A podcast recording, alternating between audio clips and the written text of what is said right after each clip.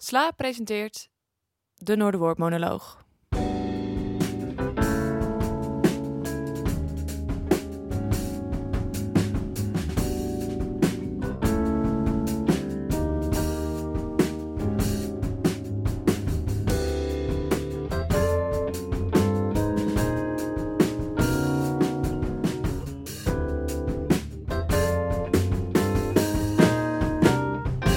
Dag luisteraar.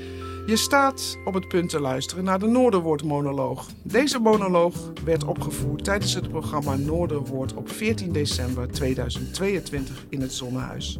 Iedere monoloog gaat over een Noorderling, bekend of onbekend. De tekst wordt geschreven door een theatermaker en opgevoerd door een acteur.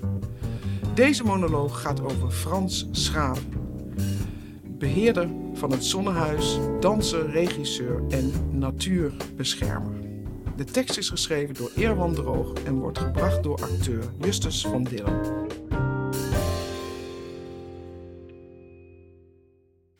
Dit gebeurt niet vaak, zeg. Wat bijzonder.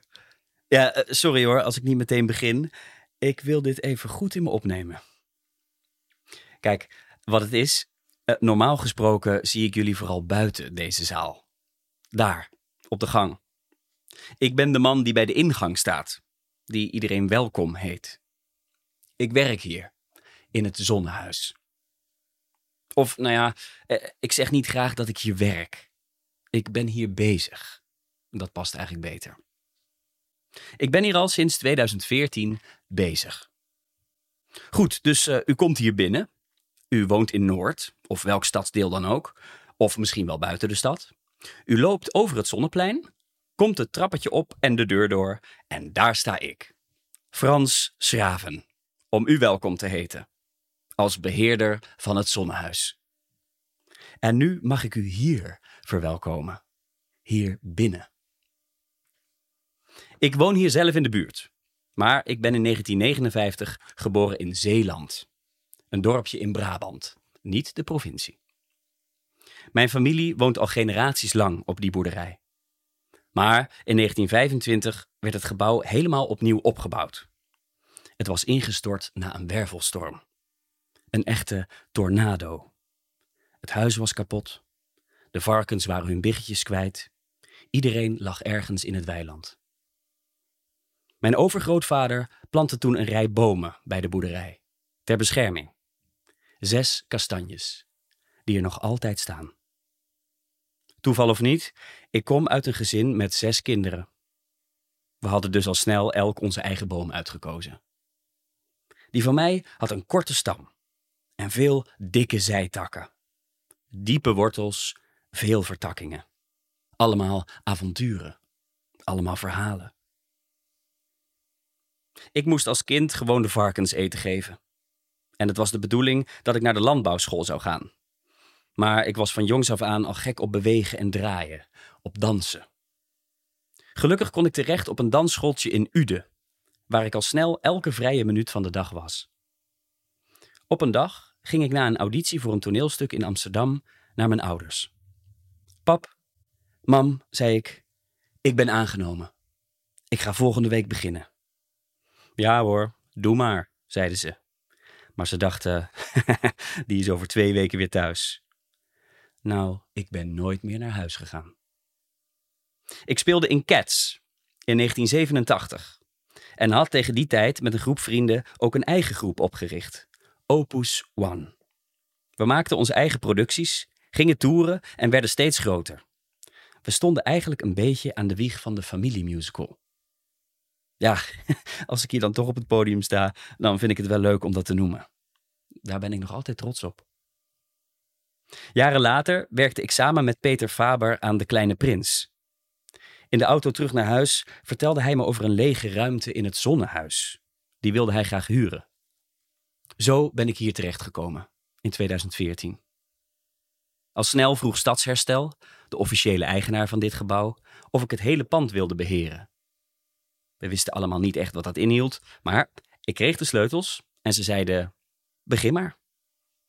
Dus welkom in mijn woonkamer. Ik hoop tenminste dat het een beetje zo voelt. En nu sta ik op het podium. Het Zonnehuis, voormalig verenigingsgebouw van de tuindorpers. Nu is er muziek, theater, alles. Het blijft een bijzondere plek, vindt u niet? Die uh, zwart-witte rand hier aan de zijkanten, ziet u? Die is nog van de Veronica Drive-In Show. Hebben ze laten staan na de voorstelling. En daar, aan de zijkant van de zaal, hangen zwart-witte lampen. Die zijn later uitgekozen om daarbij te passen. Dat is mooi toch? Dat het een beetje een uh, rafelrandje heeft ook. Hier, hier, hier een beetje afgebladderde verf, weet je wel, dat soort dingen. De sporen van wat er allemaal is geweest. Dat is zo fijn. Je ziet de geschiedenis. Nou ja, wat je ziet hangt af van hoe je kijkt. Alles is hier gebeurd. Eh, noem maar iets. Er zijn hier bruiloften gevierd. Er stond een keer een uh, stel voor de deur, overdag. Ik liet ze binnen. Uh, komt u om de bruiloft te bespreken? vroeg ik. Nee, de begrafenis, zeiden ze. Begrafenis? Ja, zegt de jongen. Ik heb niet meer zo lang te leven en het leek me fijn om mijn eigen afscheid te plannen. Hebben ze hier nog bijna ruzie staan maken, zeg? Over of de kist op het podium zou komen of op de vloer. Uiteindelijk heeft hij zijn zin gekregen. De kist stond uh, daar. Tweede rij, rechts van het midden. Ja, ja, precies waar u nu zit. Alles is hier gebeurd. Kun je je voorstellen? En die vechters hebben zo'n hele entourage mee, hè? Die natuurlijk helemaal in die wedstrijd zitten. Ja, en dan verliest zo'n knul en dan trappen die vrienden van hem de houten panelen van de tribune kapot. Uit frustratie. Die plankjes daarboven, op het balkon. Ik vroeg ze, ja, maar waarom doe je dat nou? Ach, zegt hij, dan zet je toch gewoon een nieuw plankje in. Dat vervang je zo. Maar dat is het punt. Dit is zo oud, dat vervang je niet. Als hier iets verdwijnt, is het weg. Ja. Het hoort er natuurlijk bij dat er af en toe dingen verdwijnen, bedoel ik. Toen ik in Cats speelde, in de jaren tachtig, had ik een vriend, een Amerikaan, Michael. Ik kende hem van het toneel. We woonden in de Jordaan, we dansten en speelden, er leek niets aan de hand. Tot we door de stad fietsten en hij opeens nog amper vooruit kwam. Wij naar de dokter.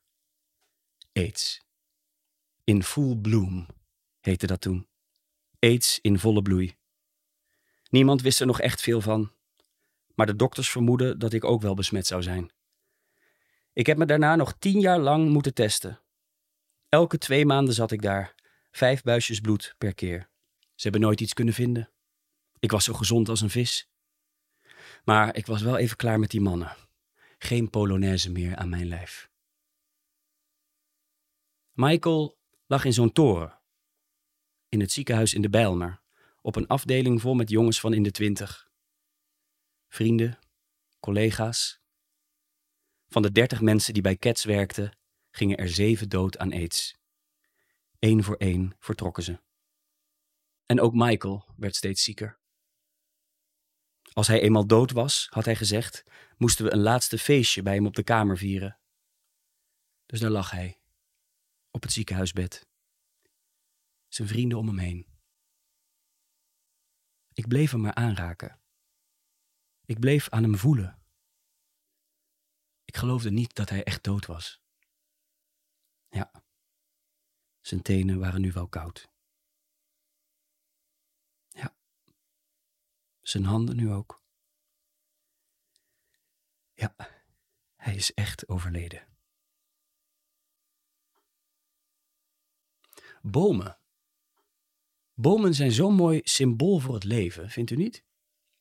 De wortels, de takken, waar je vandaan komt, welke paden je bent ingeslagen.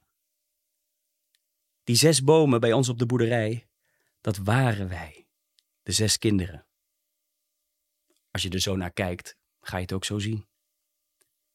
Dus toen de bliksem insloeg in de boom van mijn broer en hij later overleed in een ongeluk, Nee, nee, daar durf ik eigenlijk niet te veel over na te denken. Straks durf ik niet eens meer naar mijn eigen boom te kijken. Bang dat ik mijn toekomst zie. Kijk, alles verdwijnt. Michael verdween. Dat ben ik nooit vergeten.